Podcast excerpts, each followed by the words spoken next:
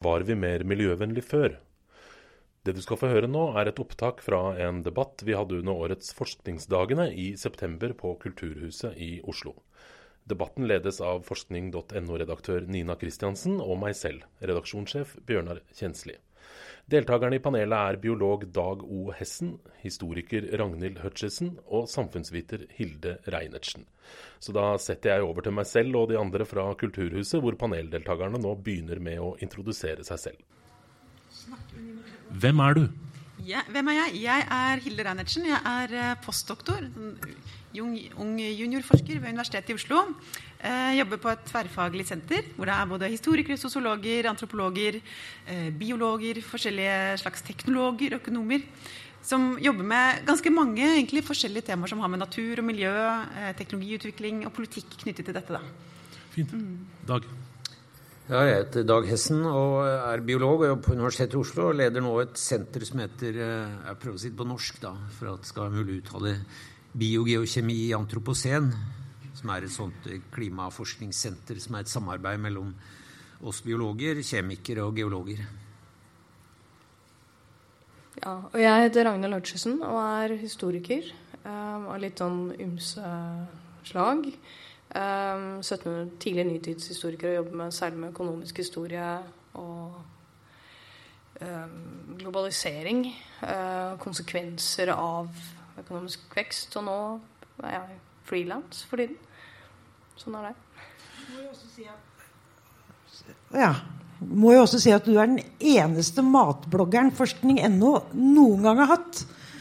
Hvor du bakte ting med oppskrifter fra 1700-tallet. Mer eller mindre vellykka. Ofte vellykka. Og skrev om det. Ja, ofte ikke. Eller ja, Ulempen med 1700-tallet er at det er så annerledes. Sånn at hva som smakte bra for dem, er ikke nødvendigvis bra for oss. Og det er kanskje som når vi skal snakke om fortid, da. Det er en av de gjennomgående tingene. Hva vi anser som normalt, er ikke nødvendigvis greit og normalt for folk før. Det tenkte jeg egentlig skulle være mitt første spørsmål. At det er lett å tro at alt var bedre før. Ikke alt, da. Sånn antibiotika og det er noen sånne åpenbare ting som ikke var så bra før. Men når det gjelder miljø og klima og den type ting, og særlig miljø, da er det lett å tro at alt var bedre før. Hvorfor tror vi det? Tror du? Jeg tenker En åpenbar ting er jo at det er um, altså Vi tenker på forbruk, da, for eksempel. Hvor mye mer vi bruker av ting. Hvis man går inn i en lekebutikk, for eksempel, så ser man jo bare Det er plastleker pakket inn i plast som du får med hjem i en plastpose. Så det, er helt sånn, det er ganske grotesk egentlig når man begynner å tenke over liksom, naturdimensjonen i dette. da. Mm. Så jeg vet, Og selvfølgelig eh, klimaendringer, naturvern. det er Disse store temaene er jo eh, det er veldig forskjellig nå enn før, hvis man oppsummerer det veldig kort. vil jeg tenke da. Ja. Det er lett å tenke at det er uh, ja, mye verre nå enn før pga. det. Men det er en del, vi kan komme tilbake til det kanskje, men at vi vet jo så mye mer om, om miljødimensjonen nå eh, enn vi gjorde bare for 30-40 år siden. Og vi styrer det på en helt annen måte også.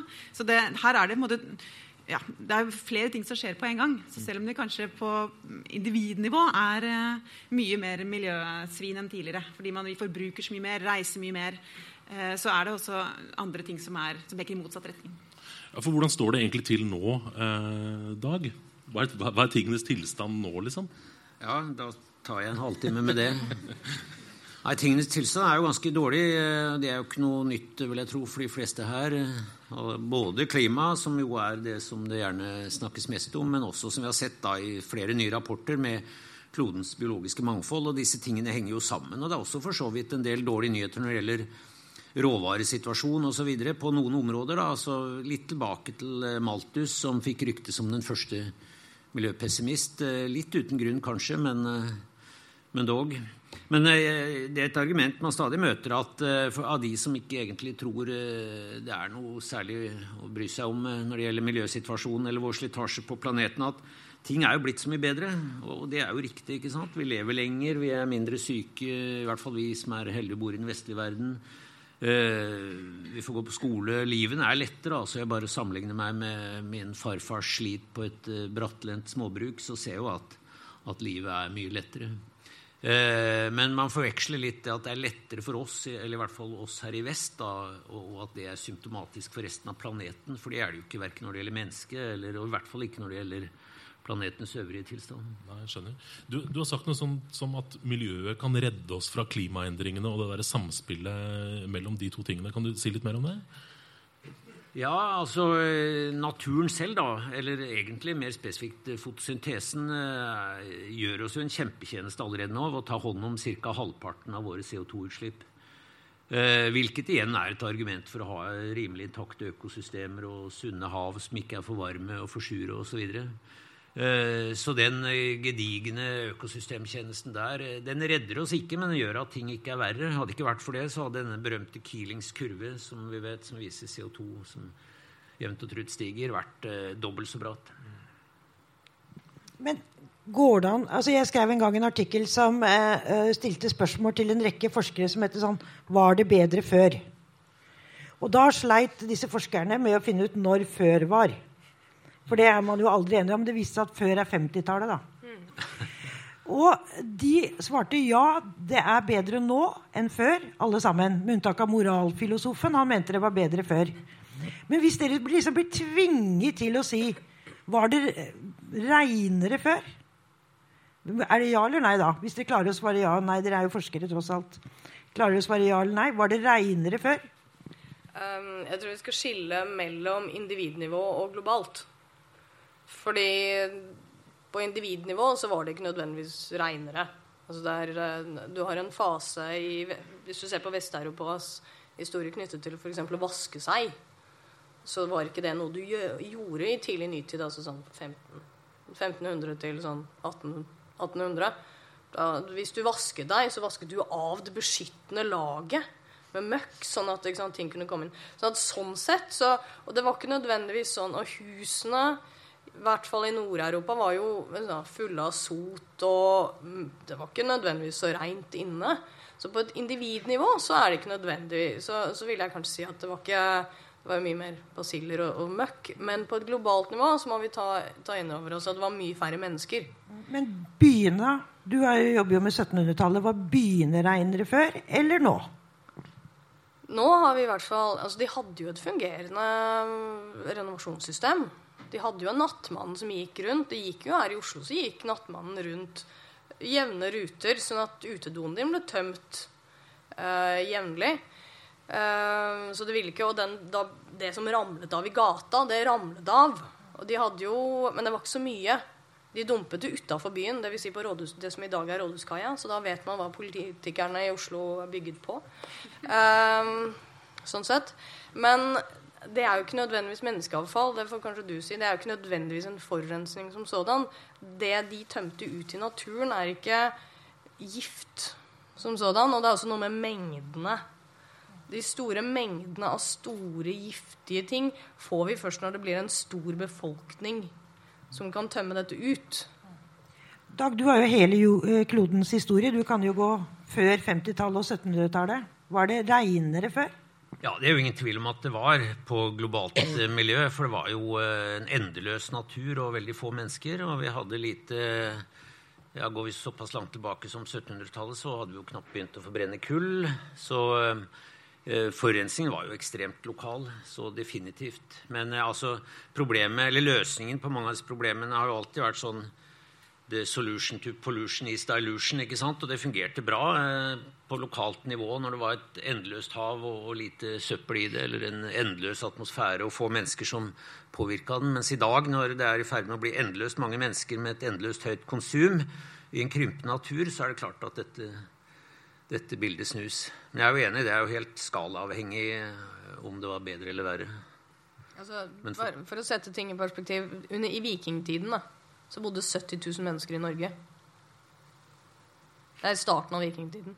Altså, det er en sånn og få av de kjørte bil. Og veldig få av de kjørte bil. Og de hadde seilbåt. Og det er liksom, altså, dette er en verden som hvis, ja, Greta Thunberg kjører seilbåt. ikke sant? Der har vi, Dette er en verden som hvis du tok feil i skogen, så døde du, for du fant ingen. Ikke sant? Det er den verden vi snakker om. Sånn at hvis man liksom, gjør noe drastisk Samtidig så er det ikke nødvendigvis sånn at man hadde ikke nødvendigvis et sånn naturvernende forhold til naturen. Det skal også sies altså på 1700-tallet. De reisebeskrivelsene fra Norge uh, Når de kommer til Norge, så klager jo engelskmennene over at det er så stygt. For de har hogd ned alle trærne. Så hvis du reiste oppover her fra Oslo, altså hele Ekeberg, var jo, det var ikke et tre å se der. Nordmarka ikke noe trær der. Hvis du dro opp mot Trondheim, som de gjorde opp Østerdalen, var flathogst. Og det var gjort systematisk og uten eh, Altså, det var ikke noe trær igjen. Man var jo, du har science fiction-romaner eller noveller som er skrevet fra Norge på 1700-tallet. Litt sånn kuriøst så har vi flere. Um, og der er de Embetsfolkene er oppriktig bekymret for avskoging. Fordi man har flathogst. Men den avskogingen det er ikke fordi man skal ta, altså de er ikke bekymret fordi de skal ta vare på skogen. Den er ikke, sånn, den er ikke noe viktig. Det de er bekymret for, er den økonomiske verdien som landet går tapt, mister, fordi man har solgt den til utlandet. Og ikke bygd møbler av den og videreprodusert den og laget en industri av den. Det er problemet. Det er ikke det at man har hogd den.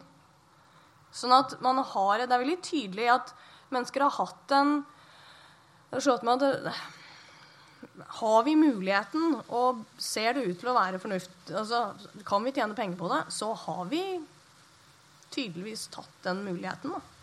Flathogst. Og det er bare flathogst. Eller altså, de har bare ikke hatt trålerne til å gå ut og tømme Nordsjøen.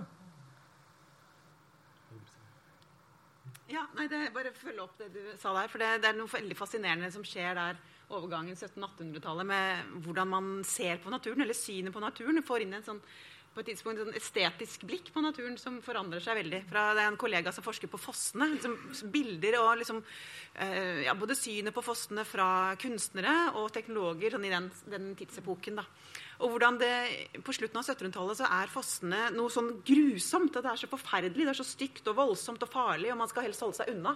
Og så skjer det en endring hvor man begynner å bli fascinert og på en måte oppriktig sånn, uh, beundrende da, til fossefallene, og særlig i Norge. Og det blir på en måte det store nasjonalsymbolet på et tidspunkt. Og etter hvert også det som må vernes, så blir det sånn naturvernikon. ikke? Så det er noe veldig fascinerende der, apropos lukt og smak og sånne ting. Som det skjer noen endringer i hvordan menneskene på den tiden ser på, betrakter og forholder seg til naturen som helhet. Ja, jeg mener jo at vårt forhold til naturen er blitt bedre. Altså, vi har jo mye mer omsorg for natur, og begrep som naturvern er jo eh, relativt moderne, i hvert fall. Eh, hvis vi går tilbake til eh, 1700-tallet og den store naturforsker Carl von Linné, så var han, hans idé var dette med naturteleologi. Altså at alt var skapt for oss. Det er litt som samme som den kristne herskerdoktrine. Eh, alt var der for oss, det var eh, i menneskets suverene makt å bruke og misbruke natur akkurat som vi ville etter vårt eget forgodtbefinnende. Eh, og det er jo et syn som ble forlatt da en eller annen gang etter Darwin, kanskje, og ikke bare pga. han, men opplysningstiden. Jeg syns Pinker skriver veldig godt om dette i The Better Angels of Nature, hvor han eh, viser at vi ikke bare er blitt mer humane mot hverandre, men også mot dyr og natur eh, som følge av opplysningstiden Eh, tid. Så jeg tror denne ideen om liksom den edle villmann eh, med et sånn edelt forhold til naturen også, eh, eller tror, det er vel relativt godt tilbakevist. Jeg husker jeg snakka med Helge Ingstad om dette på hans riktig gamle dager.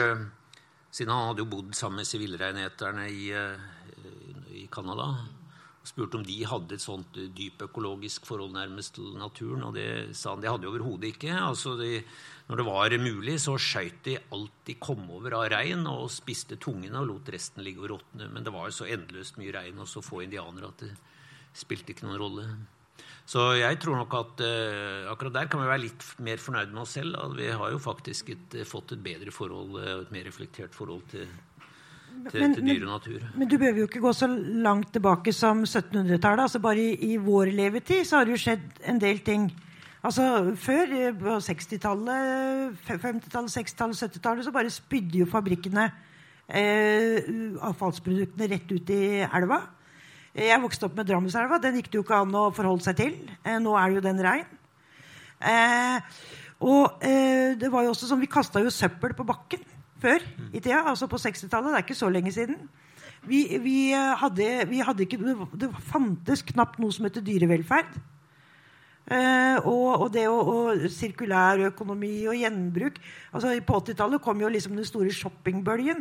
Ingen, altså gjenbruk var jo bare for noen spå, få spesielt interesserte. Så det har jo skjedd mye også i vår tid.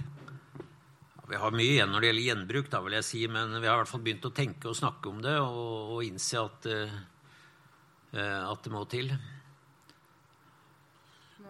En av de tingene som vel skiller gjenbruk nå og før, i middelalderen eller 1700-tallet, er at jeg har jobbet med å gjenskape Oslo slik det så ut på slutten av 1700-tallet. Vi har laget en digital 3D-modell. Og så satt vi der og lurte på hvordan så egentlig gatene ut. Altså, Hva kastet folk? Vi har hørt om disse Det var søppel overalt og alt mulig sånt. Så satt vi og tenkte hva var egentlig søppel? For det første så vet vi at de hadde øh, Hva heter det? Uh, de hadde fortau i Kvadraturen. Og under fortauene så var det vannrenner. Og der rant for det første rent vann.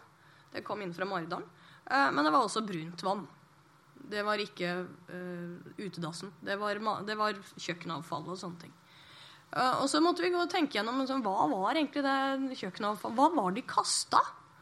For de kokte jo Altså, de brukte alt.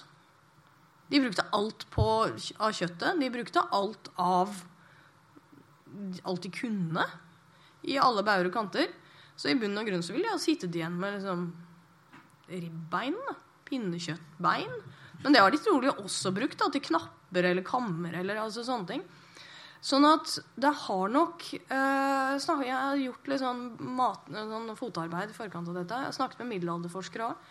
Og vi var helt enige om at egentlig så var det noe ganske reint. Og de tilfellene Og dette her handler om, liksom om det å kaste. fordi er, Før så har man hatt et veldig bevisst forhold til gjenbruk. Ikke fordi man, det var kult eller hipt, sånn som det er nå. Men fordi du hadde ikke råd til noe annet. Du brukte alle delene av kua eller sauen eller noe sånt. Du kastet det ikke. Mens i dag så er det eh, Til en viss grad så kan du spare noe penger. Men er, jeg merker at jeg har begynt å gå over til sånne eh, bivoksark istedenfor gladpakk. Og det er, okay, det er litt for å spare penger i lengden. Men å kjøpe noen gladpakke er jo ikke liksom en stor Men det er litt sånn fordi det er en trend.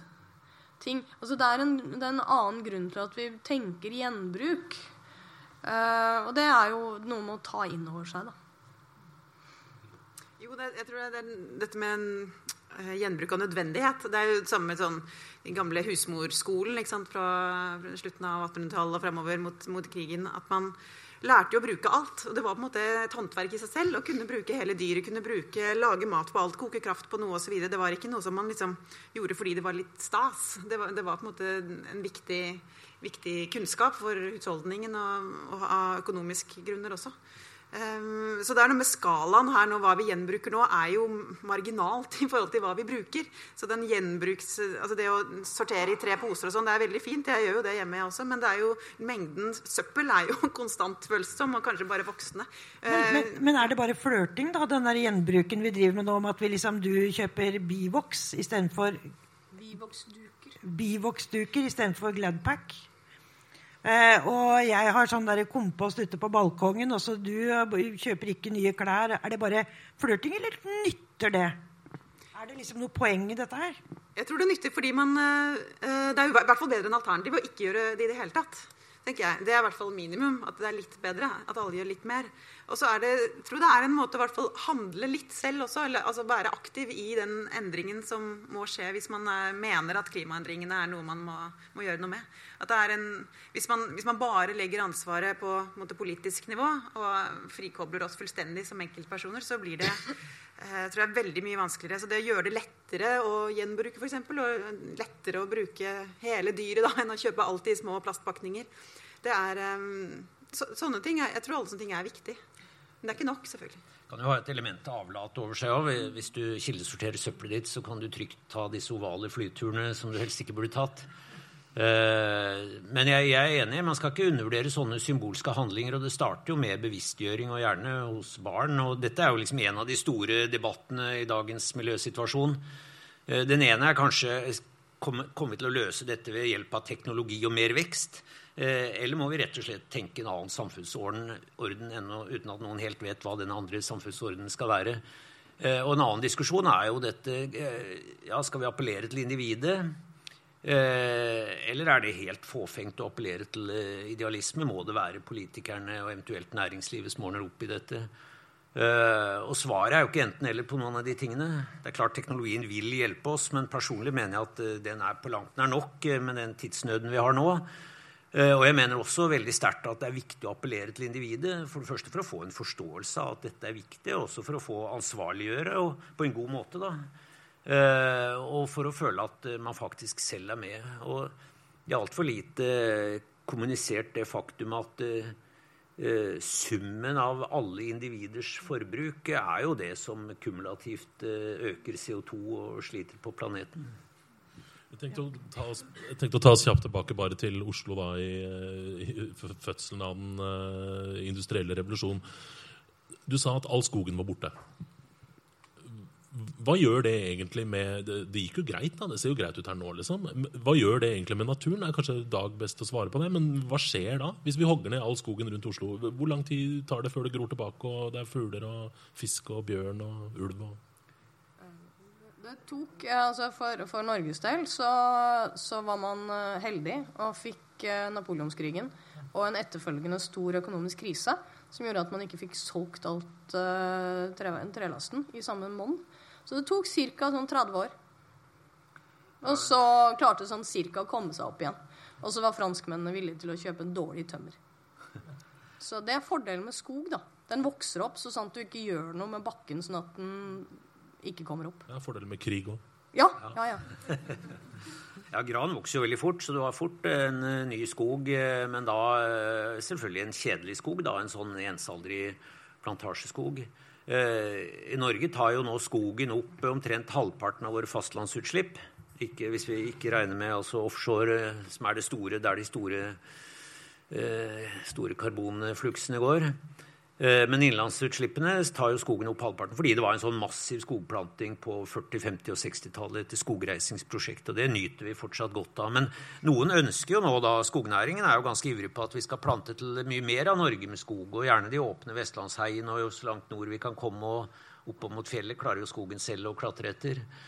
Uh, og det er jo et uh, Ja, ok, det kan være bra for karbonfangst, uh, men det er jo åpenbart ikke bra for veldig mye annet. Men, eh, men, at skogen har vært uh, hugd ned både her og der det er jo, Man tenker liksom på deler av Oslomarka som urskog, men den er ikke så veldig gammel. altså. 100 år Gammel, Uten at det er noe argument for at den skal hugges ned på ny. altså. Ja. Men andre ting, Ragnhild, her i byen, liksom. Hvordan var, hvordan var Akerselva og havna? Og jeg bare prøver å forestille meg hvordan det var. Du har lagd de der luktboksene dine. Kan du fortelle litt om hvordan det lukta i Oslo på 1700-tallet? På 1700-tallet så er det mm, Det som sitter igjen, da, er som på luktmessig for meg, er vel Når det gjelder Akerselva, var at den var full av sagspon. Ikke, da, industrien hadde ikke begynt å bygge seg ut. Den kommer på 1840-tallet. 1830-1840-tallet. Og utover da, da er den jo blå. altså Dagen etter. Den hadde hver sin fabrikk nede på Akerselva. Hadde sånn fin eh, Om jeg har skjønt rett, sånn en dag så var den ene som slapp ut blåfarven, og den andre da var den rød. Og så byttet de sånn nedover, så man visste hvem som, hvilken dag det var, fordi man tittet ut vinduet og så hvilken farge elven var. Um, og så badet du ikke i den. Greit nok. Men du fikk jo rent vann ned fra Maridalen, da. Mens på 1700-tallet så var det ikke helt kommet der, da. Um, du hadde buntmakere. De holdt til faktisk inne i Kvadraturen. og det vil si at det lå mangfoldige uh, hundre skinn og råtna i noen uker i kjelleren på flere hus rundt omkring. Dette syns jeg er litt kuriøst. Det må ha luktet ganske stramt. Um, men for det meste så vil jo da Akerselva ha Den var ganske full av sagspon som har fylt igjen Oslofjord, uh, ganske mye. Og det er ett problem i seg selv. Men en av de sånn gjennomgående tingene og dette sliter arkeologene med fremdeles når de er ute og graver f.eks. i Hovedøya, er at denne sagsponen har altså flytt utover som sånne store flak og så har den ligget der og sånn gjæra. Og så har den sunket. Men den har jo da gjæra, så den har begynt å boble opp med metan. Så det kom sånne store og Her må du huske, da dette er, sånn kuriøs, dette er det jeg syns er litt snålt. For et av de store praktbyggene var da Paléhagen, som Bernt Anker hadde bygget, som er da, der plata er i dag. Og der ytterst så var det en sånn fa fantastisk paviljong. Hvor Bernt Anker gjerne ville sitte og nyte utsikten, hvor han kunne se på trelasttomtene som er der opera var. Og så var denne Viken Bjørvika var jo da ganske full av denne gjæra sagsbonden. Så det må rett og slett ha luktet ganske promp. Kombinert med at de da dumpet drit i elven. Men dette er jo ikke liksom nødvendigvis forurensende ting. Det er bare sånn lukt. Og det var det de var opptatt av. Både i middelalderen og på 1700-tallet og utover tidlig 1800-tallet. De var ganske opptatt av forurensning, altså. Men det var det de kunne se og lukte.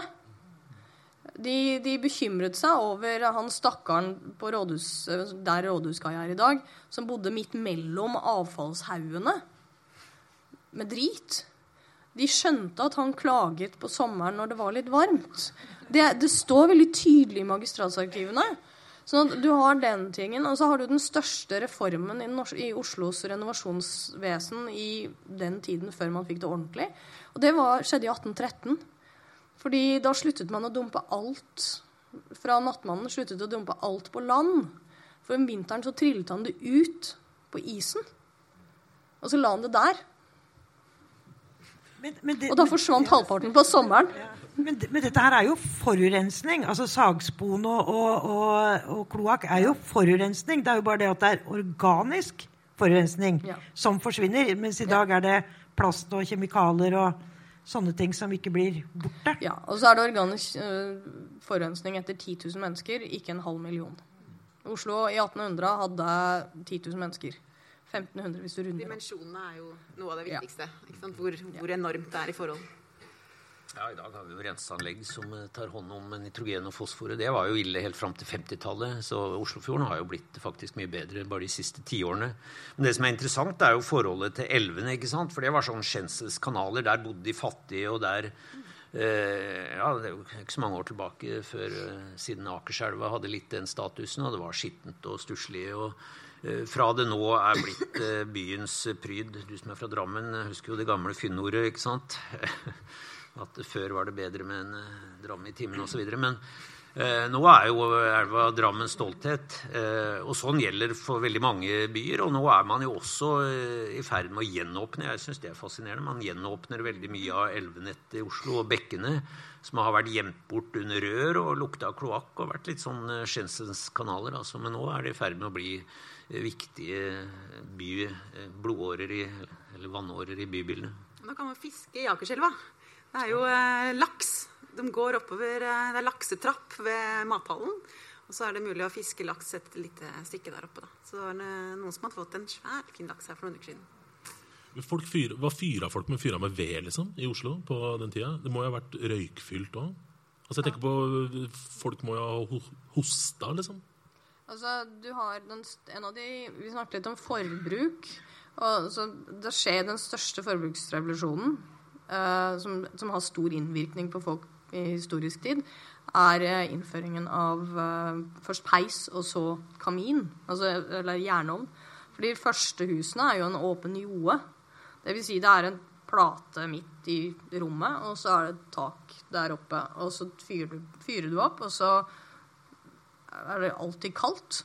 Og så blir det liksom liggende en sånn derre Røyken fra bålet blir liksom liggende en sånn meter over bakken. da. Og da går du i det. Altså, det var jo så, møkke, så, det var så mye sot at folk, vil, eh, folk vasket huset to ganger. Fordi det var ikke vits i å gjøre det oftere. Og da, da, da, var det svart. Og så får du peisen som får ut røyken, og så får du kaminen som, eller jernovnen som, som bedrer dette her enda mer. Sånn at folk har jo hosta blod og tro, trolig fått lungekreft, men det har vært så mange ting man kunne dø av. da fordi man, denne antibiotikaen. Men hvis du, hvis du uh, hadde vært astmatiker, ville du levd i dag i den der tjukke Oslo-trafikken? Eller ville du levd på 1700-tallet? Hva tror du er best? Hvor, hvor puster man best? Um, altså På 1700-tallet gikk du ikke veldig mye ut på vinteren. Så da satt du inni der. Men det er ikke sikkert at du fyrte opp. Så du satt da i sånn kanskje et fire grader i et trekkfullt tømmerhus. Alternativt fylt med røyk, og da opp i ti grader, under sauefeller. Eh, jeg vil egentlig alltid si at 2019 er best. Det, det er liksom Det vinner uansett. hvert fall, Nei, la meg rette til 2019 Norge. Ja. Jeg tenkte å spørre deg, Hilde, om da uh, vi begynte å bli opptatt av miljøvern. Vi har vært litt inne på det, men jeg tenker på den uh, moderne bølgen da, som starta på 50- eller 60-tallet. Hva skjedde da? Hvorfor ble folk plutselig opptatt av miljø? Hvorfor fikk miljøet da en egenverdi, da, som vi snakka litt om i stad? Kan vi spole litt, litt, lenger tilbake først? For det med egenverdi det, det kabler an til noe vi snakket om litt eh, i forrige kapittel. holdt jeg på å si, Dette med ideen om at naturen har sin egen verdi. Det er, kom på begynnelsen av 1900-tallet. Man begynte i, i, USA, så fredet man et stort område, Yellowstone, en enorm nasjonalpark som fortsatt fins. Eh, og det var tilsvarende i England, et par andre land. Og i Norge så hadde man Eh, det var en gjeng med mm, akademikere fra Universitetet i Oslo, fra Bergen, Naturhistorisk museum, botanikere, noen jurister, som ble veldig opptatt av eh, å verne eh, deler av naturen. Naturen hadde en egen verdi. og Det gjaldt gjerne enkeltarter. Det var f.eks. eiketrærne tror jeg, rundt Larvik. For det var en spesiell ugle. Det var liksom enkelt... Um, arter og enkelt, eh, ja, små områder da, som man, man, prøvde å verne. Og man jobbet fram en eh, lov som ble vedtatt av norske regjeringen i 1910. Så dette var jo rett etter at Norge var en egen, eh, blitt en egen nasjon. Da kom det faktisk inn i norske lovverket veldig tidlig. Uh, og denne sånn, akademikergjengen da, de etablerte da det som etter hvert ble Naturvernforbundet i 1914.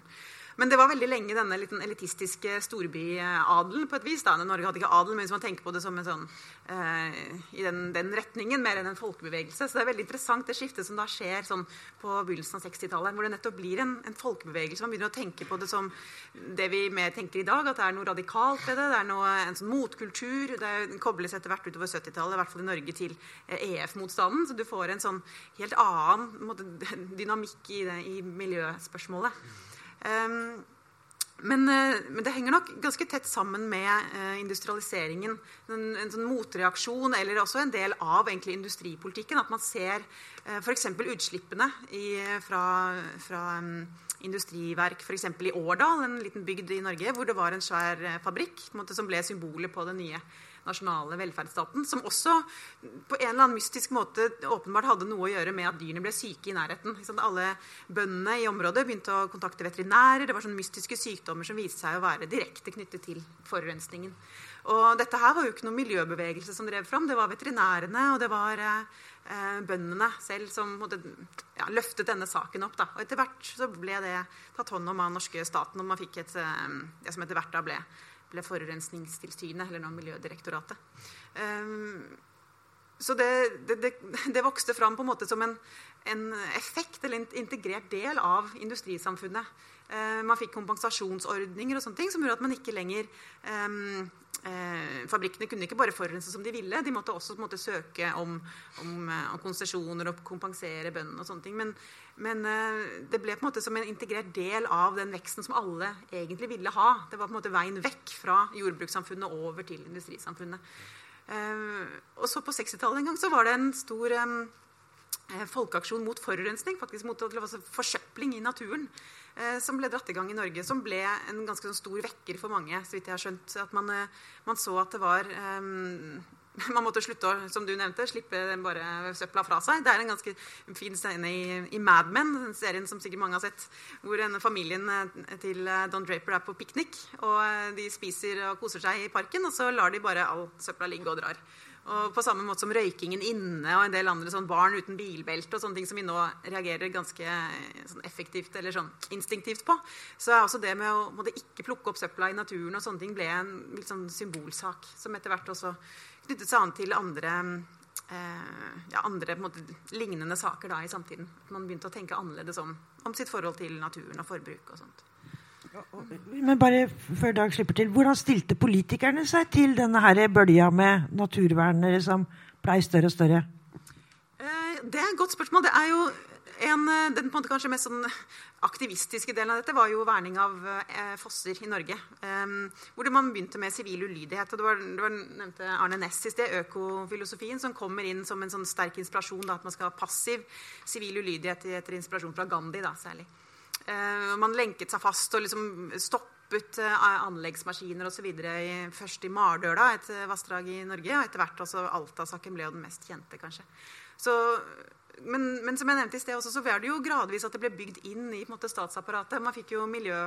Det, øh, Verndepartementet i 1972.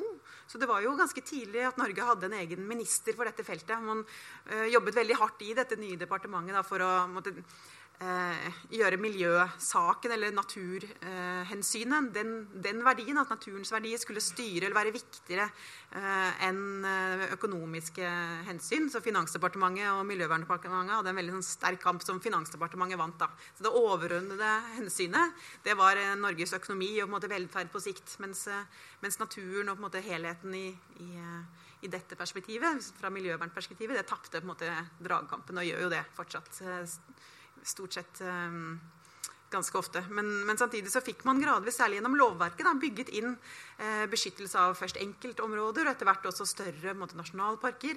Og du får sånne reguleringssystemer som f.eks. gjør at det ikke lenger er lov å overfiske. Da, for. Vi snakket om dette med å utrydde eh, arter og um, at menneskene måte, ja, tar for seg av naturen på måter som er uopprettelige. Du hadde jo store eksempler på det med hvalfangst, f.eks. Hvor man Eh, rett og slett tømte omtrent verdens hav for store, de store hvalene.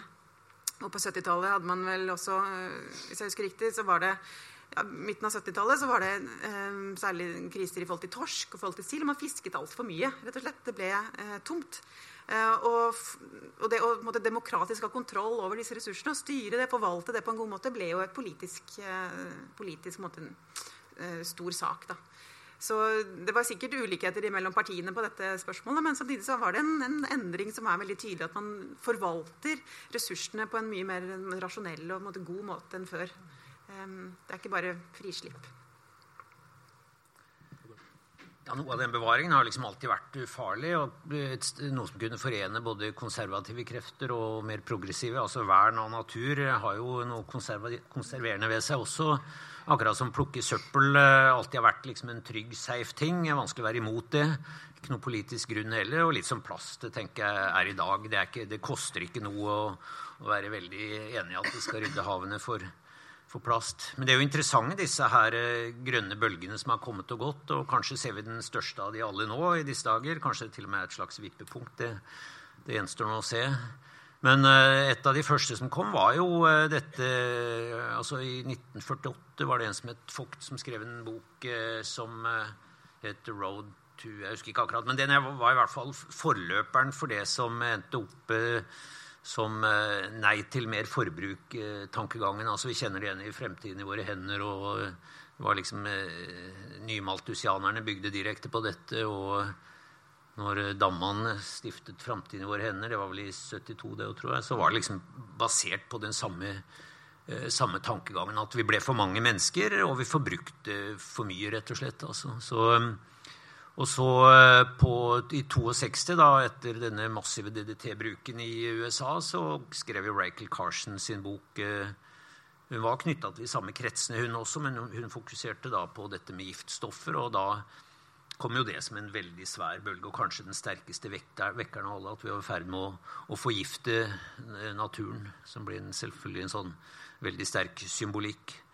Og så først eh, ja, dette med artstap osv. har jo alltid ligget der. som du sier, Det var jo noe av bakgrunnen for opprettelse av store nasjonalparker. og Eh, men det kom for fullt igjen da med ja, På slutten av 60-tallet så ble det jo skrevet et par større bøker om dette, at vi var i ferd med å utrydde arter i stort tempo osv. Og, og siden har liksom disse tre sakene vekslet litt mellom å, å, å dra mest oppmerksomhet, men så kom jo selvfølgelig klima da fra eh, ja, Brundtland-kommisjonens rapport, eller kanskje med James Hensons eh, utsagn foran Kongressen i 87, tror jeg det var. Ja, Han med hockeykøllegrafen? Nei, det var en som het Mann, men de, de var liksom samme, på samme lag. Men det ser liksom ut som naturen alltid bare kommer seg tilbake. Dette går jo så kjapt, liksom. Jeg så Akerselva døde jo, husker du det? Vi satt og så ut av vinduet, og det kom skum ned Akerselva for noen år siden. Så døde hele Akerselva, leste jeg et år etterpå. Er jo, nå er det jo mink og fisk og alt mulig. Det går liksom så fort, da.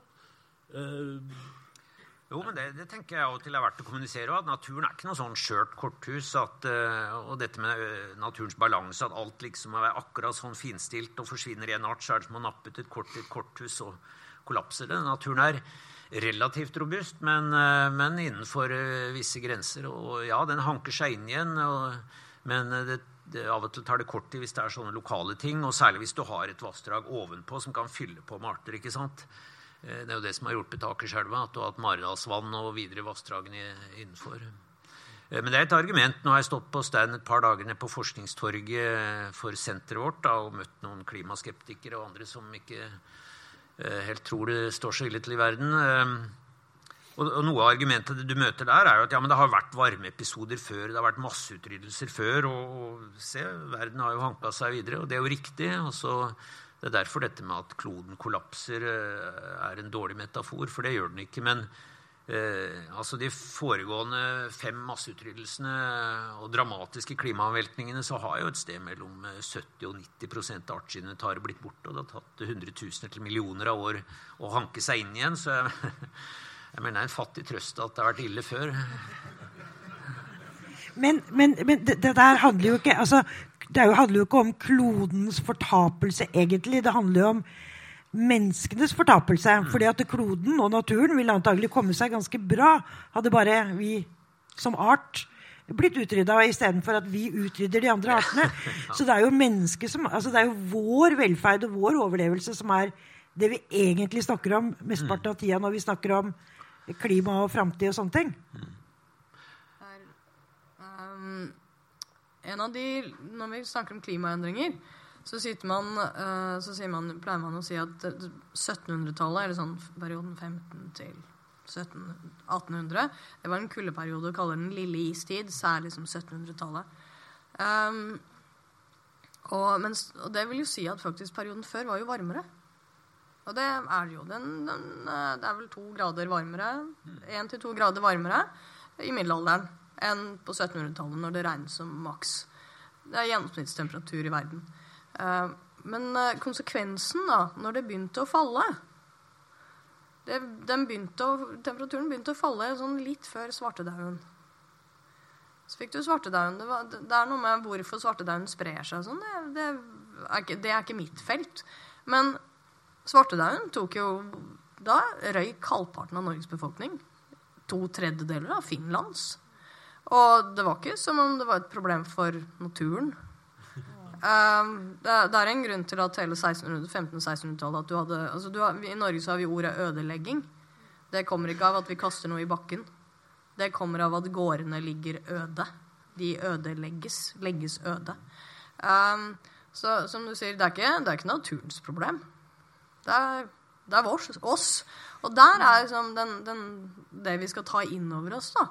At vi som vi kanskje kan lære av historien. Og den, det som er tydelig med da, overgangen fra middelalderen, hvor det var to grader varmere, til 1700-tallet, hvor det ble to grader ja, Skjønner den der. Er jo at um, det tok 500 år, det. Mens det siste, den mest, hoveddelen av temperaturøkningen nå har skjedd de siste 15. Det er det som er litt skummelt. Altså, eller i hvert fall 100 til og veldig mye økning nå de siste 15 årene. Det er jo det som er skummelt. Hadde det vært en 500 år lang stigning med temperaturøkning, det hadde ikke nødvendigvis vært noen krise.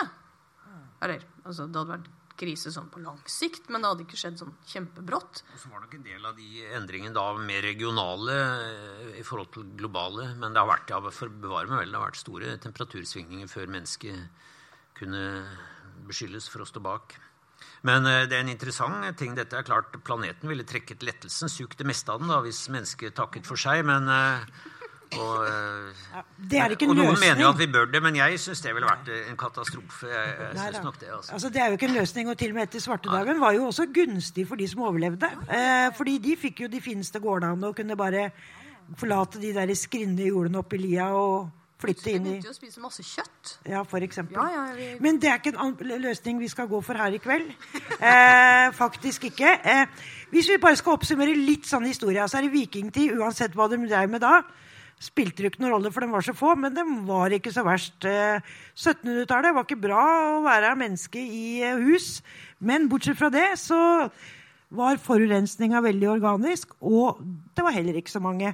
50-tallet veldig mye bevisstløs tankegang. Vi forsøpla naturen. Det har vi slutta med. Men vi er så mange at det er et problem. Sånn at selv om vi har tatt oss sammen, så hjelper ikke det fordi vi er så mange. Er det det som er liksom konklusjonen på før og nå?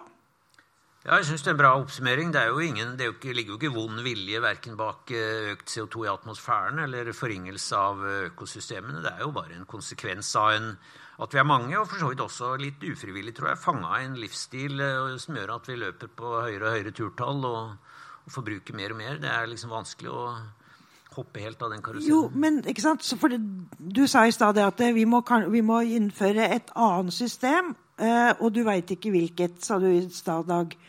Er ikke det sånn sirkulærøkonomi? Er ikke det som er offisielt vedtatt? At vi skal inn i en sånn økonomi med gjenbruk? Um, jo da, helt klart. Det er mange, det er eh, mange Det er liksom ikke én stor løsning. Det er vel det som er poenget. Man kan liksom ikke bytte fra det kapitalistiske forbrukssystemet vi har nå, til et helt annet system. Men vi må gi noe av det systemet vi har nå, en annen innretning. Og så er det mange små løsninger. Og på toppen selvfølgelig så vil teknologien hjelpe oss, det er ingen tvil om det. Men å sette sin lit bare til den tror jeg er naivt. Kan jeg si noe om den sirkulærøkonomien? For Det er jo litt fascinerende også, fordi det, sånn Idéhistorisk sett så er det en ganske radikal tanke. En ganske sånn omformende idé om hvordan økonomien bør være på en helt annen måte. Altså Ikke denne på en lineære vekstøkonomien, men sirkulær. at man måtte, ja, Det er ikke bare ting som gjenbrukes, men altså forholder oss til ressurser og naturen på en helt annen måte. Men sånn som det brukes i dag, eller som det det, det på en måte er blitt til nå, er jo mer en sånn ja, teknologioptimistisk, eh, veldig sånn high-tech eh, tanke om at eh, innovasjon og forskning skal bidra til at man eh, ja, via laboratoriet måte, og, og industrilabene industrilabbene skal kunne bli eh, ja, bruke ressurser på nye måter og bruke avfallet som en ressurs osv. Så, videre. så det er liksom en, en helt annen tankemåte eller helt annen, annen sak rett og slett enn det var før. Men er ikke det bare sånn at du bare bytter batteri i iPhone istedenfor å kjøpe ny? liksom? Ja, for eksempel, og da du, Har du egentlig gjort noen særlig stor endring da? Det er det jeg tenker. Mm. Hvis du reparerer eh, iPhone, så hjelper det jo litt. Men Ragnhild? Jeg tror En av de tingene som vi kan ta med oss fordi Nå har det vært flere som har snakket om at de gangene vi faktisk har klart å gjøre noe og Jeg sitter igjen, så jeg var aktiv i Natur og Ungdom når jeg var 14 og har lenket meg fast i min del av Ringveien. I regn. Foran en innmari stor trailer. Den var ganske skummel. Um, og prøvd å bli tatt vekk av en veldig sjarmerende politimann. Men, eh, men, en av de tingene som sitter igjen som, som vi kan lese, jeg, er forsiktig med å si at vi kan lære av historien, men en av de tingene som vi kan la oss inspirere av, er jo det faktum at vel, vi har faktisk i en del tilfeller lykkes. CO2 Når jeg eh, drev og lenka meg fast i ting, så var alle innmari redde for eh, kjøleskap og spraybokser. Og der klarte man Og det var jo en stor bevegelse, man klarte faktisk å gjøre noe. Og dette her med å gå og slippe søppel på gata, det er også, har man klart delvis fordi vi er blitt mer bevisst på å ikke dumpe vaskemaskiner eh, i, eh, i elven, sånn som jeg husker fra 80-tallet. Det har vi sluttet med. Eh, men delvis også fordi vi har fått en stat som har tenkt at ok, dette er blitt, en, dette er blitt statens ansvar å fikse pga. bevegelser. Sånn at det å ta til seg at de små tingene som vi gjør som mennesker, samlet ok, Én ting er at samlet så flyr vi kanskje mindre. Jeg skal, begynne, jeg skal undervise i Bergen nå. Og nå tar jeg tog opp den ene veien, og kanskje også den veien tilbake. Det ville jeg ikke gjort for fire år siden. Jeg, mine fire turer betyr ikke så mye, men hvis alle av oss gjør det, så betyr det litt. Er, men, men, samtidig så guilt-tripper vi staten. Og der er det vi klarer å få gjort ting. Og det har skjedd før, f.eks. med lovgivning knyttet til eh, arbeid. Barnearbeid, når man begynte med på 1800-tallet. Ingen som blunket med å la femåringer jobbe i gruver. Fordi dette ville de barna, og dette ville foreldrene. Og man skulle ikke gå inn og regulere dette her. Og så tok det da lang tid Men etter hvert nå er det en selvfølge å ikke la fem- eller tiåringer jobbe. Dette er noe med en utvikling i samfunnet som jeg tror vi kan ta med oss videre. da. At okay, Det har ikke vært sånn før, men vi har sett at det har vært problemer før, og vi har klart å dra det. Og så må vi bare håpe at vi ikke har gjort dette for seint. Men Dag, fordi at det, det Ragnhild er inne på, er jo det der med høla i ozonlaget. Mm. Jeg husker jeg var livredd for det. Når jeg tenkte at plutselig så blir vi kokt. Og det samme med sur nebbør var jo også et sånn svær greie. Du er jo naturviter. Hva skjedde med liksom høl og nebbør? det er veldig gode eksempler av flere grunner. Ja, altså var, Den gangen var det jo ozonangst, på samme måte som det er klimaangst eh, for ozonhullet. Ikke noe med klima å gjøre, bare så for de, de to atskilte fenomener. Eh, ozonhullet er jo som du sier, vi har slappet ut eh, freongasser og klorfluorholdige gasser osv. som brøt ned O3 høyt opp i stratosfæren. Eh, når dette ble oppdaget av Paul Crutzen, som fikk nobelpris for det, og er mannen som oppfant ordet antropocen for øvrig, så skjønte man at dette måtte fases ut, og det gjorde man ganske raskt. Men det var en enkel løsning. ikke sant? Det var ikke noe som fordret noe av samfunnet eller gjorde politikerne upopulære ved å ta den avgjørelsen. Det var, det var en veldig grei teknologisk. Man bytta ut ett stoff med et annet. Det var litt det samme som med fosfat i vaskemidler, som var i ferd med å overgjødsle alle vann og vassdrag. Man kunne bytte ut fosfat med et annet eh, middel som ikke hadde samme eh, effekt på algevekst. Og forsuring Eh, egentlig et forbilledlig eksempel på hvordan forskere da, etter en del fram og tilbake finner ut årsaken til dette, får overbevist politikerne etter et par tiår til. Og etter ennå ti år så gjør man noe med det, men, men det gjøres og veldig effektivt. Eh, sånn at eh, svovelholdig nedbør er nå på full fart ned. og pH stiger, fisk og dyr kommer tilbake, og vi er nesten der vi var i førindustriell tid. Men det er veldig enkle renseteknologiske ting. Man putter avsvovlingsanlegg noen, på noen på på punktutslipp, altså særlig da kullfyrte kraftverk. Så det heller krever ikke noe av samfunnet. Så, så, det er der jeg tenker forskjellen med klimaendringene er. At dette er liksom atferd som uh, angår alt fra norsk oljeutvinning til våre personlige flyreiser som vi ikke vil uh, gi slipp på. Men, men, det med barnearbeid eller slaveri og sånn, det er jo tenker jeg, nærmere For det var jo store omveltninger med kostnader, så det var mer snakk om normendringer. Altså Litt som røykeloven. Man tenkte det var helt umulig før man fikk gjennomført det. Og etterpå skjønner alle at dette var jo egentlig veldig smart. Det burde vi gjort for, for lenge siden. Så det er litt den type normendringer som jeg tenker kan, kan men, hjelpe men, oss, kanskje. Men trenger vi mennesker kniven på strupen for å gjøre noe, eller, eller kan vi liksom Den veldig hyggelige historien din, Ragnhild, om at hvis hver av oss gjør lite grann, så kommer vi i mål. Eller må vi liksom ha kniven på strupen og begynne å sulte og fryse? Og jeg tror vi må se sannheten i hvitøyet på en annen måte enn vi gjør nå. Altså, nå tror jeg de fleste erkjenner problemene med den ene hjernehalvdelen, den rasjonelle, men den andre er ikke helt eh, kobla på. Eh, så jeg tror nok vi både må se sannheten i hvite og føle at det virkelig angår oss, eh, før vi gjør noe, sånn som de som lever i områder hvor Eh, hvor de virkelig merker dette. Det var en interessant og veldig nedslående undersøkelse som var gjengitt i Aftenposten for tre dager siden, som viste at nordmenn sammen med saudiarabere og amerikanere, nordamerikanere var de mest klimaskeptiske. Det var bare 36% som mente at mennesket var en viktig årsak, eller hovedårsak til global oppvarming. Så det er det er en jobb å gjøre der òg. Mens eh, de nasjonene som var mest villige til å tro på det, det var nasjoner som da eh, allerede i mye større grad enn oss eh, merker dette på kroppen. For Norge er jo i alle sammenhenger så flyter vi som en kork på opprørt hav. Og litt sånn er det med klimaet. Vi er vel de siste som, som vil merke det, bortsett fra sånn lokalt, da, med ras på Vestlandet og noen flommer og sånt. Og alle lyna i sommernatta. Ja. Da tenkte jeg på klima, men jeg vet ikke om det var det. Men fordi da er du inne på et nytt spørsmål igjen. ikke sant? Altså en ting, Hva kan jeg, lille jeg, gjøre? Jeg bare sitter jo her og resirkulerer litt. Men hva med lille Norge? Altså, er det noe, hva, hva, Spiller det noen rolle hva vi driver med? Eh, bør vi heller øse penger inn i et annet land? Eller altså, hvordan bør vi oppføre oss internasjonalt? Jeg skal ikke prate hele tiden, men jeg kan starte med det nå. fordi Jeg, har, eh, jeg, jeg kan ta oljefondet som eksempel. Jeg satt i oljefondets etikkråd noen år, så jeg ble veldig godt kjent med Eh, motstand mot å bruke oljefondet politisk, som det heter. Eh, oljefondet er jo et av de stedene Det er verdens suverent største statlige fond. Virkelig en muskel i den internasjonale økonomien. Eh, men det var veldig motstand mot å trekke Norge ut av kull i mange år. Til slutt da, så, så gikk Finansdepartementet med på det, med armen litt eh, bak pressa bak på ryggen. Eh, og med den begrunnelsen at dette var økonomisk lønnsomt. De ville for guds skyld ikke si at dette hadde noe med miljø å gjøre. Men da hadde det en stor effekt, for veldig mange investorer fulgte etter, og, og kullaksjene sank. og det, Mange tenkte at det var begynnelsen på slutten for, for, kull. Og Norge er jo en stor eksportør av av olje. Det er ingen tvil om det. Eh, og vi har jo da også en eh, litt sånn urettmessig antagelig, men høy troverdighet som miljønasjon. Selv om vi er ganske dobbeltmoralske der.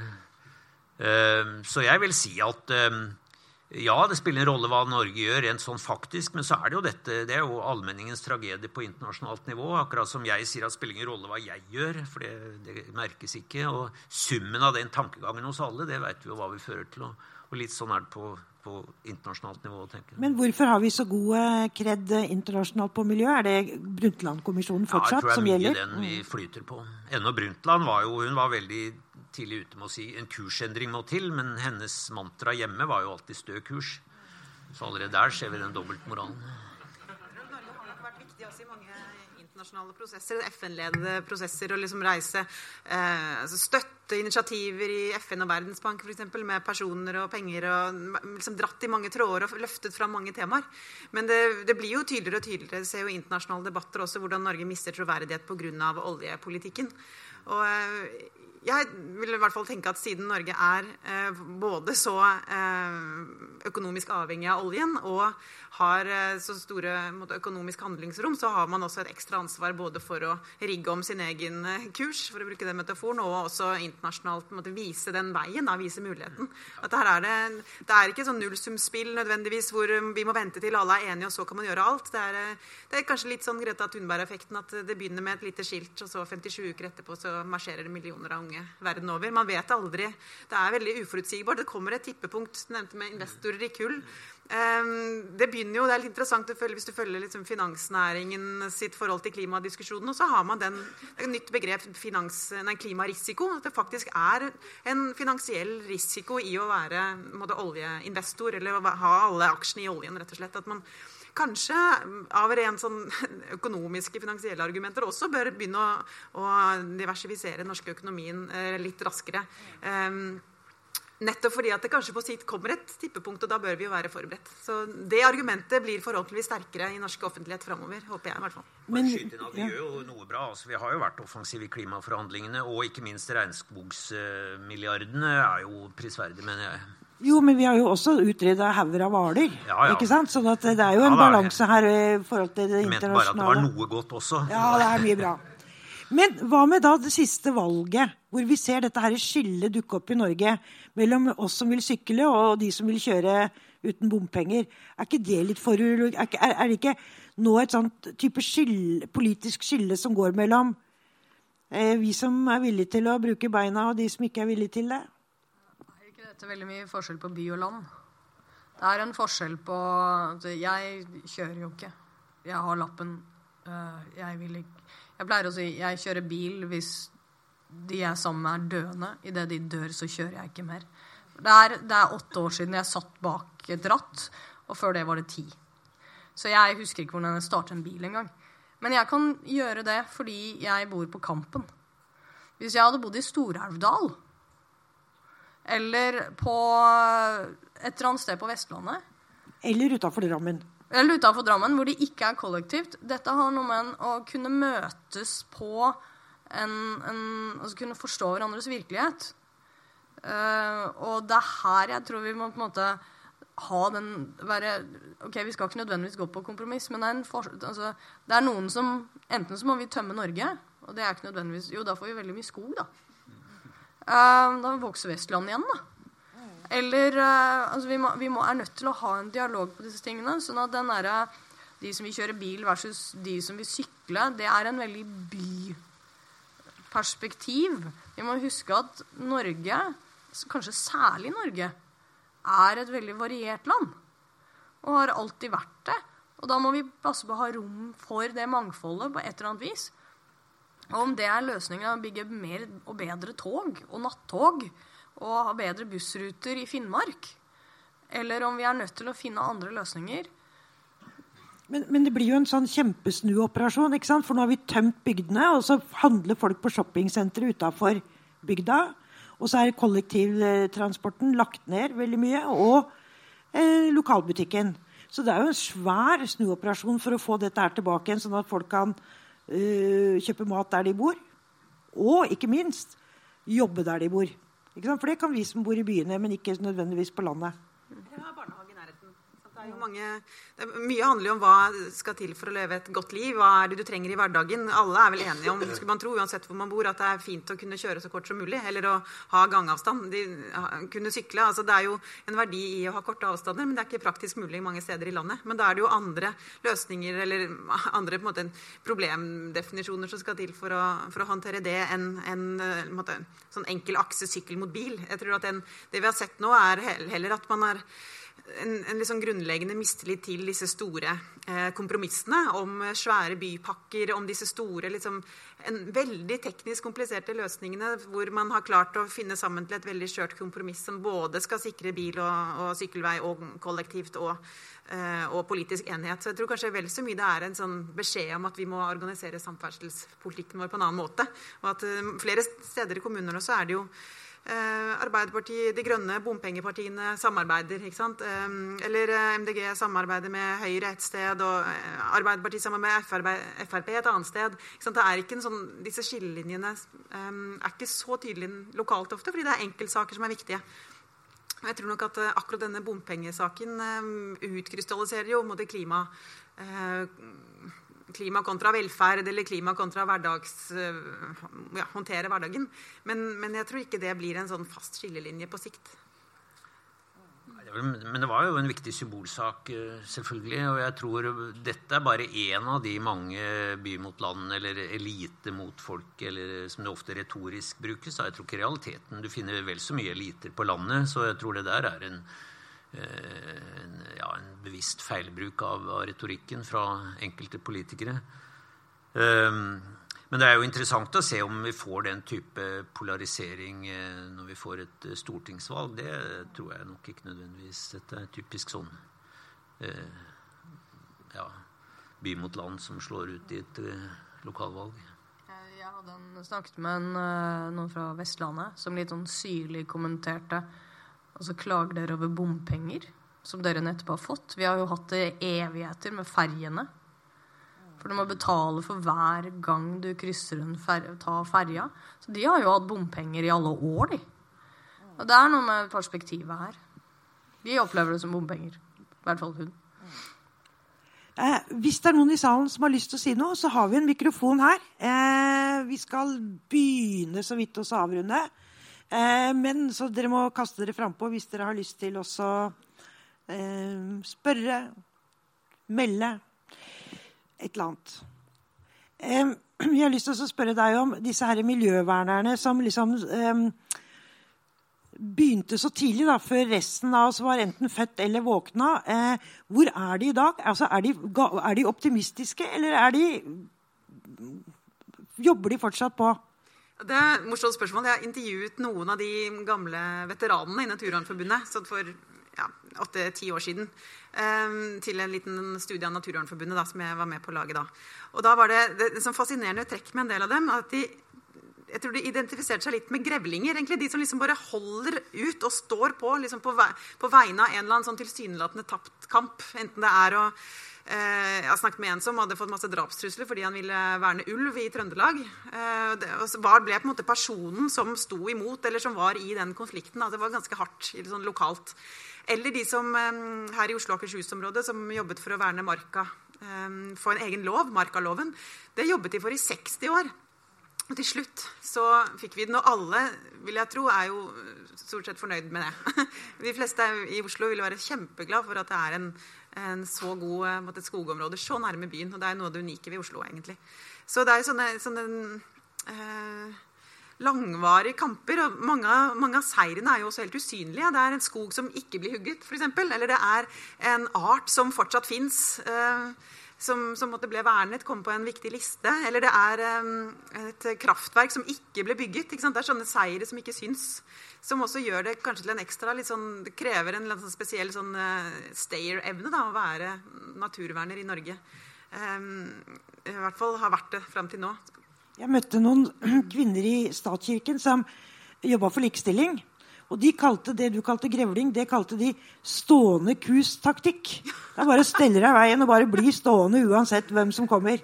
Så det er jo, ja, mm, det går skjer på mange felter. Ja, Dag? Ja, det Tidsskriftet for Naturvernforbundet Oslo heter jo eh, Grevlingen, gjør det ikke det? Ja. Så det er ikke tilfeldig, antagelig. Nei, ja, Det er jo interessant, dette, fordi jeg tror ingen av de som sto på barrikadene da, og som fortsatt er oppegående, har endret uh, syn. Og jeg tror også dette da har med en type personlighet rett og slett. Jeg tror ikke nødvendigvis er optimisme versus pessimisme, men, men, det har mer med legning. altså Natur er vel litt forskjellig, og noen er ivrig på vekst og fremskritt og liksom moderne urbanister, og andre har den Hellevik har gjort en veldig sånn god inndeling, tror jeg, personlighetstyper som, som nok treffer også med politiske preferanser osv. Du ser jo noen sånne egenskaper som åpenbart henger sammen her. ja, hvilke, hvilke ut, Utdyp det. Ja, nei, av Stikkord Trump. ikke sant? Han har noen verdier som går igjen i hele hans, uh, hans verdisett. Uh, og så finner du selvfølgelig de på motsatt side. Men mange av disse har holdt ut i mange år. Paul Erlich, som uh, var liksom en av disse første som på 50-tallet skrev om populasjonsbomben og argumenterte mot dette, han står akkurat like mye på på eh, barrikadene i dag. Så um, um, det var et eller annet godt poeng jeg hadde her, men jeg får komme tilbake til det. men, men fordi, altså, hvis vi skal da uh, gå inn i en form for sirkulær økonomi, hvor vi reparerer mer, gjenbruker mer, uh, så vil det jo ramme vekst. ikke sant? Det har jo flere av dere vært inne på. Uh, og vil da vil kapitalismen eller vil dagens system tåle det? Og, og ikke vokse mer? Ja, det er jo denne berømte frikoblingen da, som det snakkes mye om. At eh, ja, vi kan ha vekst, eh, og for så vidt økonomisk vekst, men den da skal ikke slite på miljøet. Jeg tror du kan, eh, kan få relativt CO2-nøytral energi i løpet av noen tiår. Det vil jeg tro. altså. En gang komme til å høste av solvinden og ha et endeløst tilfang av helt problemfri eh, energi. Eller vi løser problemet med atomlagring osv. Men likevel, hvis, hvis, det gjør at eh, folketallet øker, konsumet øker, at vi sliter på andre områder, så, så er ikke det nok. Altså, bærekraft er jo ikke én strek. Det er jo veldig mange områder hvor man må ha en bærekraftig utvikling. Så det er ikke bare snakk om, om, eh, om CO2 og teknologi. Men, men, jeg skrev en artikkel om matsvinn. At nå skal vi liksom ikke kaste så mye mat. Og da var det to store butikkjeder da, som jeg snakka med. Og det de snakker om, er at de vil også slutte å kaste. Ikke sant? Sånn at når du kommer stormende inn i butikken klokka sju om kvelden, så skal det ikke være sånn seks typer grovbrød. Da skal det bare være ett type grovbrød, grovbrød sånn at du ikke kaster alt, alt det der. Og, så, og, de hadde mange tiltak sant, for at vi ikke skulle eh, at maten skulle gå fortere gjennom systemet, kjøpes av oss og ikke kastes når vi kommer hjem. Og mens jeg, og det glemte jeg å spørre om, så det var jo litt teit, men jeg tenker jo dette her er jo mye mindre fortjeneste. Altså Selv om de også tjener litt på det at eh, de kaster mindre, så, så det øyeblikket vi spiser opp mer av maten og ikke kaster hver åttende bærepose, sånn som vi gjør i dag, så vil jo da butikkene oppleve at vi eh, kjøper en åttende, eh, hver åttende bærepose. vil vi ikke kjøpe. Så jeg skjønner liksom ikke helt hvordan dette skal gå rundt mange paradoksene da, med at um, det, det, kanskje blir mindre, mindre um, omsetning i butikken, men mindre da altså matsvinn. Uh, så Hvilket hensyn skal man på en måte vektlegge, og skal det, hvem skal ta den beslutningen? og hvordan? Et annet eksempel er jo bare innenfor helsesektoren. For eksempel. altså man trenger, For å ha topp hygiene som gjør at man måte, kan behandle pasienter godt, så trenger man engangsutstyr. Og du trenger mye. Det er i plass. Du trenger liksom alt dette. Uh, altså, for, altså, søppel, Du produserer jo masse søppel på sykehus hele tiden. Og du må ha masse vasking hele tiden, selvfølgelig, som er kjemikalier osv. Du tar energi. Så, men vi vil jo ha topp sykehus, selvfølgelig. Det er mange andre sånne eksempler. Jeg har jobbet mye med fiskerinæringen de siste årene på et prosjekt som handler spesielt om oppdrettstorsk. Og en kollega som har intervjuet mange eh, markedsforskere for å finne ut hvordan man skal få nordmenn til å spise mer torsk. Og Et eksempel på det er jo, eller noe de har kommet fram til, er at at man, ehm, man må ha flere varianter av torsk. Det må ligge i sånne pakker som er lett å sette i ovnen. Så det er hensynet og ønsket om at eh, nordmenn skal spise mer hvit fisk, skaper også mer søppel. Fordi du får disse pakningene. Du, liksom, du blir fjernet fra både råvaren, egentlig. For det er veldig få som vil kjøpe en hel torsk, da, tydeligvis. Um, det, er, så det er sånne paradokser hele tiden føler jeg, i forbruket og måte, energihistorien her, og samfunnssituasjonen på et vis, da, som gjør at man har et godt, et godt hensyn til en god intensjon, som også skaper da, et miljøproblem parallelt. Jo, Men samtidig så flytter jo folk seg enormt. Tenk på alle ungdommene som er vegetarianere og veganere i dag, i bare forhold til ti år siden. Altså, det er jo en enorm Du kan nesten kalle det en folkebevegelse blant ungdom. Men Ragnhild? Det er en av de tingene som jo har drevet som gjør at vi kan sitte her i dag og ha vanntosett antibiotika og mange klær i skapet og, og tette sko. Nei, tette hus som ikke lekker, og alle de tingene som vi egentlig setter pris på. Varme klær og superundertøy og, og liksom en høy, relativt høy livskvalitet. Er jo kommet fordi man har skapt mer forgjengelige ting. Det er en av de tingene som vi ser på 1700-tallet, 1800-tallet 1900-tallet. Det blir skapt rett og slett mer ting, sånn at det blir mer forgjengelig. Og nøkkelen her ligger jo, og, som du sier, da, den litt vanskelige tingen, det er snakk om arbeidsplasser. For dette her skaper altså Til nå så har den forbruksveksten gjort at det er skapt arbeidsplasser. Som har gjort at folk har fått jobb. Og, og det er det som har gjort at vi kunne ha flere barn. Og hatt den befolkningsveksten vi har. Og så har vi fra 70-tallet fått prevensjon, sånn at nå er det på vei ned. da. Uh, og det kan hende at det påvirker. Men vi skal ha i mente hva skjer, som du sier, da? Hvis vi begynner å kaste mindre mat, hvis det er færre som går i butikken, blir det rett og slett behov for færre arbeidere. Det kan hende, Men det kan hende at det blir jobb i andre næringer.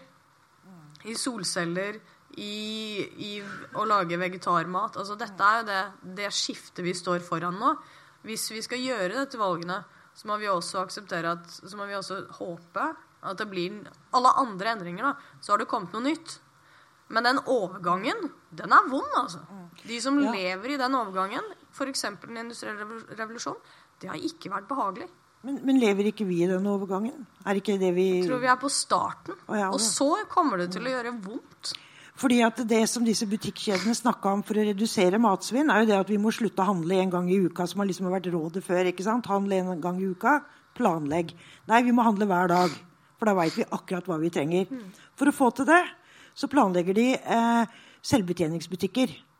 Fordi da kan du ha butikker på steder hvor du, eh, det ikke er eh, økonomisk lønnsomt å ha betjente butikker. Snakk da kan du ha selvbetjeningsbutikker. Da forsvinner de butikkansatte, som er et eksempel på det du sier, da, at det kommer til å gjøre vondt. Nå er det jo til og med en egen bevegelse som sier ikke bruk selvbetjeningsautomatene i butikkene, for det gjør at du får færre ansatte i butikkene. Jeg har sett den i Facebook-feeden min nå flere ganger. Ikke ja. bruk selvbetjeningsautomatene, for da får du færre arbeidsplasser. Men selvbetjeningsbutikker kan da altså forårsake mindre matsvinn? Det er, det er, mye psykologi i dette også. Vi går jo fortsatt på den der eh, kjøp tre, betal for to uh, hele tiden. Selv om vi egentlig bare trenger én, eller kanskje vi ikke trenger noen. Men uh, tilbudet er så fristende at vi går på det. Og så er det jo dette med shifting baselines. altså Vi oss, vender oss til nye virkeligheter og et stadig høyere forbruk. Så det å vende tilbake er veldig vanskelig. Og så er det jo dette med forventningsgapet. altså Man sammenligner seg gjerne med de som har litt mer. Så selv mest overbetalte aksjemegler kan føle seg eh, litt sånn mislykka for å ha bare 10 millioner hvis naboen har 12. Så det er en del sånne psykologiske mekanismer som driver dette. Altså På 60-tallet så følte tror jeg veldig mange, i hvert fall de som hadde opplevd krigen, at vi hadde nådd en helt ufattelig materiell velstand. Det var liksom ikke mer å drømme om. Men, og siden har jo konsumet bare fortsatte å skutt i været. Så det er jo egentlig ikke nødvendigvis ønsket om mer kjøpekraft som driver oss, men det er det at systemet er bygd opp litt som et pyramidespill som gjør at uh, dette må fortsette. Man ser liksom ikke noen andre måter å, å løse dette på. Dette med shifting baseline syns jeg er veldig, veldig interessant poeng. at man, man veldig fort tilpasser seg en ny situasjon, og det blir normalt. For, jeg tror Et godt eksempel kanskje er um, størrelsen på husene våre. Og hvor varmt det skal være inne. Du nevnte med fire grader og ti grader. Så nå er det jo, Hvem ville hatt det nå? Har, du ser jo liksom tydelig, Hvis du reiser rundt i Norge, så er det eh, ganske vanlig på små steder at husene er veldig små. Og så ser du liksom når du kommer til et større tettsted i nærheten, så blir de større. For de nye husene som folk flytter til, er, eh, det er to etasjer istedenfor én, og det er måte, fire vinduer istedenfor to i, i bredden osv. Så det, og det, alt skal være like varmt hele tiden. Um, så vi fyrer jo veldig mye mer. Bruker masse strøm på, på oppvarming. da. Uh, og bare liksom, det, det, det, er et veldig sånn viktig, viktig perspektiv fra, fra, historien. tenker jeg, at Man liksom, eh, man hadde jo nattluer. altså veldig sånne konkrete ting som man ikke lenger ville tenkt på engang. At skulle være nødvendig. altså Ha en, ekstra lue om natta fordi det er så kaldt. At du må liksom ha, ha på lue for å få sove og holde varmen. Så det er sånne grunnleggende ting som virker veldig fjernt nå. Innovasjon Norge faktisk ga ja, for Innovasjon Norge ga ut nattluer som gave til alle de ansatte til jul bare noen få år siden. Så det er innovativt. Det er kommet tilbake. Ja, jeg kjemper for nattlue hjemme. For å, eh, men jeg, jeg fører en hard kamp med barna. De forlanger at de skal gå, kunne gå i T-skjorte og shorts uh, inne hele året. Eh, men det, har jo, det jo som du var inne på, det skjer jo også ting i eh, Kanskje særlig i næringslivet. Og før var det litt sånn machiavellisk. ikke sant? Man eh, frams, vil gjerne framstå som litt miljøvennlig, men i virkeligheten brydde man seg ikke helt tatt. Og igjen da, tilbake til et etikkråd jeg satt i, hvor vi gjennom flere år hadde møte med noen av verdens største selskaper hvis vi trua med å kaste de ut pga. en eller annen uetisk atferd. Til å begynne med så kom de alle og hadde, kunne vise til en eller annen punkt i årsrapporten sin på glansa papir hvor det sto at de også var interessert i miljøet. ikke sant? Så kom ikke her. Uh, og du skjønte at dette stakk ikke veldig dypt. Uh, men på slutten så var det liksom en helt annen uh, De var virkelig, virkelig, genuint. Ikke bare hensyn til aksjonærer og, og rykte, tror jeg, men fordi de ønska å bidra positivt. Så for å avslutte litt i det positive hjørnet, så er det jo noen sånne trender som vi eh, må ha lov å ta med oss. Det er en økende bevissthet rundt det. da. Ja, fordi Dere er jo historikere eh, og eh, biolog som da kjenner mennesket virkelig innenfra og bakover. Og historikere. Har dere trua på, at vi, på menneskene, liksom? At vi, vi i vår tid, med våre liksom, verdier og fortid og alt sammen, kommer til å klare det? og jeg tror at vi kan klare det. det. Og det er litt fordi vi har sett før at det har vært store holdningsendringer. Og mennesker i løpet av en 50-årsperiode klarer å få nye holdninger. Så det er spørsmålet om vi klarer å gjøre det i tide. Fordi det, jeg tror senest i dag så kom det en, en, noe fra FN som sa at vi har mye dårligere tid på CO2. Så det er litt den derre rekkevidde i tide før det blir altfor dramatisk. Men kanskje framtidig så klarer vi å endre det. Men jeg, jeg har tro på det fordi vi har klart å forandre oss før. Ja, nei, jeg, jeg, sitter, jeg, sitter, og tenker på hva, Hvis noen lagde en, måte, tilsvarende Mad Men da, om 30 år, hva, hvilken scene ville de sett tilbake på og tenkt at hva er det de driver med? Kanskje dette med å liksom, som vi nevnte helt i starten, liksom plastikkleker pakket inn i plast, eller sånne ville, ville ting som man liksom tilbyr barna sine som liksom noe fantastisk. Eller dette med kjempevarme hus. Eller at man uh, kaster halv en åttendedel av maten. Altså, det er sånne ting vi liksom tillater oss nå, som jo er et sånn overflodsfenomen. Så jeg har, jeg har troen på at det kan forandre seg, absolutt. Men, men som Ragnhild sier, jeg tror det er ikke sikkert det blir så lett. Og det kan bli ganske vanskelig og tøft, i hvert fall på deler av kloden. Og litt avhengig av politisk klima og sånne ting, man, hvor, hvor, hvordan det skjer skjer. Men, men, det er jo nok en fare for at man ser tilbake og tenker at dette her hadde man god tid. Man visste om det. Eh, særlig klimaendringene har man jo kjent til i tiår. Og likevel så, så satt det så langt inne. Eh, men, det er jeg bekymret for. Men jeg veit hvilket bilde vi kommer til å se tilbake til. For jeg var i Arendalsuka. Og der ble jo klima, bærekraft, mindre forurensning, plast Alt dette her ble diskutert over hele. Og så helt på slutten så går jeg da inn i shoppingsenteret i Arendal. Og er, Der er det ikke mye folk, men det er veldig mye klær og veldig mye forbruksvarer. Og det, er ikke, og det er liksom nesten tomt. Og det er en kjempebygning som blir holdt oppvarma for klær vi ikke har behov for i det hele tatt. Så jeg tenker den der shoppingsenterkulturen med alle de plastinnpakka tinga, det er det tror jeg blir bildet på vår tid. da. Men Dag? Ja, på Nordbysenteret, for de som har vært der. Det er der svenskehandel foregår. og handler. For meg er det liksom et sånn tempel over uh, mye av det som har gått galt her, hvor folk går sløve rundt med fulle trillevogner av ting de kanskje ikke trenger, og, og tilbringer livene sine der også. fordi vi har men uh, Uten å moralisere for mye over det. Men jeg, jeg, tenker at det går jo ikke bra. altså Det er for seint. Men uh, jeg tror heller ikke at det går så dårlig at menneskeheten dør ut. Det ville vært en helt utholdelig tanke. Og, eller at, uh, at Men at mye av verdens mangfold forsvinner, og at livene blir vanskeligere, det, det, punktet har vi nok passert allerede. Så, så, og jeg tror at noe av problemet kanskje er, hvis vi skal se på menneskets evolusjonære forhistorie, så er vi jo problembeløsere til de grader eh, på konkrete, nære problemer. Vi er ganske gode på å samarbeide også. Vi kan finne løsninger også til kommende generasjoners eh, beste på, på liten skala. Det var et Elner Rostrøm fikk Nobelprisen for å å, å, finne ut. Men vi har, vi har, noen sånne helt åpenbare svakheter. altså Vi er evolusjonært tilpassa for å høste godene her og nå. Det har vært rasjonelt i hele vår forhistorie, for det har vært få mennesker og en endeløs natur. Mens, og, og, det er det som slår inn når vi tar tre og betaler for to. ikke sant? At vi, vi har den derre driven i Så vi er heller ikke tilpassa til å Vi er flinke til å ta hensyn til hverandre, i, i en viss grad i hvert fall her og nå, men uh, å ta hensyn til de som ikke er født, det er vi ikke evolusjonært skrudd sammen for å gjøre.